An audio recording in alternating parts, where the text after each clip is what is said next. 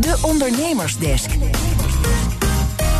Een medewerker van Martini Plaza in Groningen heeft mogelijk drie ton achterover gedrukt. Fraude door een medewerker, dat is lastig voor je bedrijf. Uh, maar misschien weet jij daar meer over, Conor Klerks. Kun je ook meteen een deel van de oplossing bieden? nou, ik kan niet uh, per se uit eigen ervaring uh, spreken. Ik ben nog nooit geflasht, maar ik heb dan ook nog nooit een medewerker gehad. Heeft je toch wel eens een keer een wc-rol meegenomen bij BNR? Ik heb Oh, dat, zelf niet gedaan. nee. Oh, je kent alleen maar mensen. Ik ken alleen maar mensen. Ik heb, ik heb het wel eens horen zeggen, ja. Maar eh, Thomas, ik zag eh, berichten over deze zaak. En dat lijkt me toch wel best wel pittig als, eh, als ondernemer. Ik had er wel veel vragen bij. Want ja, hoe vaak komt nou zoiets voor in Nederland? En is dat überhaupt te voorkomen? Maar ook heel belangrijk, ben je nou alleen je geld kwijt als zoiets gebeurt? Of komen er nog andere problemen bij kijken? Ik ben erover gaan praten met Ron Nieuwendijk. Hij is senior consultant fraude en integriteit bij Hofman Bedrijfsrecherche. Wat wij helaas eh, vaak zien is dat dit soort fraudes eh, best regelmatig voorkomen. En eh, helaas worden dit soort zaken pas ontdekt omdat bijvoorbeeld een andere organisatie of een ander daar melding van maakt. En ik meen dat in de zaak van Groningen er een melding is gekomen vanuit de Belastingdienst. En dat betekent eigenlijk dat als die meldingen niet geweest zou zijn, dat de kans best aannemelijk is dat die schade veel groter zou zijn. Betekent dat dan ook dat we niet echt zicht hebben op hoe vaak dit soort dingen gebeuren? Uh, ja, ik denk dat als je gaat vragen naar cijfers over dit soort vormen van fraude, dat die heel moeilijk uh, te, te produceren zijn. Zeker niet alle zaken worden gemeld, maar ook zeker niet alle zaken worden ontdekt. Dus ik denk dat, uh, dat, er, dat het veel vaker voorkomt dan we met z'n allen denken. Nou heb je aan de ene kant natuurlijk een probleem als je een hoop geld kwijt bent als ondernemer. Maar zijn er ook nog andere uh, factoren die, die hier nadelig aan zijn? Bijvoorbeeld reputatieschade? Nou ja, goed, er zijn een aantal dingen die spelen. Op de eerste plaats is het natuurlijk best een schok uh, voor de organisatie dat dit gebeurt. Het vertrouwen in mensen, ja, dat komt ernstig in het geding. Je ziet dat het ook heel vaak effect heeft op de werkvloer. Uh, mensen zijn toch echt ook geschrokken, ontsteld dat een collega dit doet. Hè, de collega die wij al zo lang kennen en vertrouwen. Dus dat heeft een behoorlijke deuk opgelopen. En dat herstel je niet zomaar. Ja, daarnaast uh, kan het natuurlijk zijn dat andere partijen waar je zaken mee doen, uh, doet, hier ook zicht op krijgen. En denken van ja, hoe zorgvuldig gaat die betreffende klantleverancier met mijn informatie, mijn gegevens om? Dus uiteindelijk loop je daar wel, een, wel wat schade op.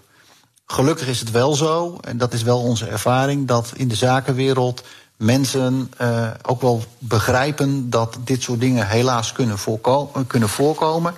En dan zie je dat het toch wel heel belangrijk is dat, dat je laat zien dat je hier adequaat op reageert. En wij horen heel vaak dat een andere partij zegt: ja, hetgeen die meneer is overkomen of dat bedrijf is ernstig, had mij ook kunnen overkomen. Maar ik ben blij dat hij het snel heeft opgepakt en uh, voortvarend uh, aan de slag is gegaan. Ja, dus bij snel handelen dan uh, is er vaak ook wel goodwill van andere partners.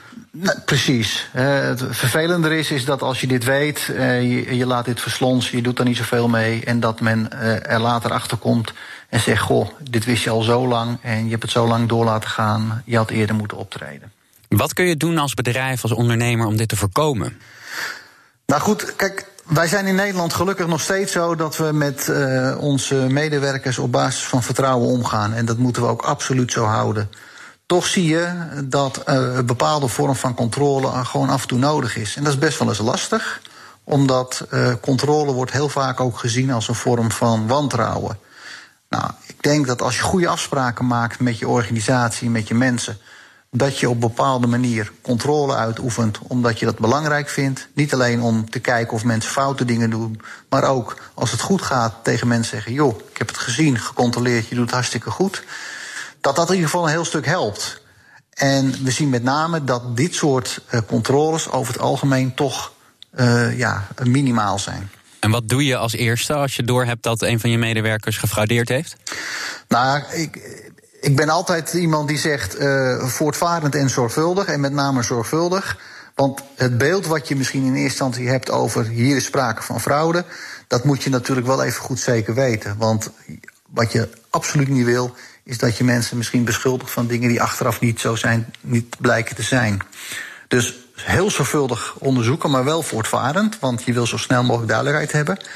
Laat je goed adviseren, zeker ook vanuit de juridische kant, omdat het misschien arbeidsrechtelijk ook consequenties heeft. Dus een jurist of advocaat is zeker gewenst. Ja, en als je toch op basis van je zeg maar, vooronderzoek tot de conclusie komt van ja, dit lijkt er wel op dat hier sprake is van fraude, ja, dan moet je echt een, eh, een bureau vragen om dit te laten onderzoeken.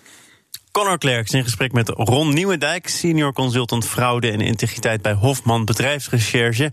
Wil je meer horen uit de ondernemersdesk? Dan vind je alle afleveringen terug als podcast via onze site of de BNR-app. Ondernemersdesk kansen en risico wordt mede mogelijk gemaakt door Atradius. Verzekerd van betaling.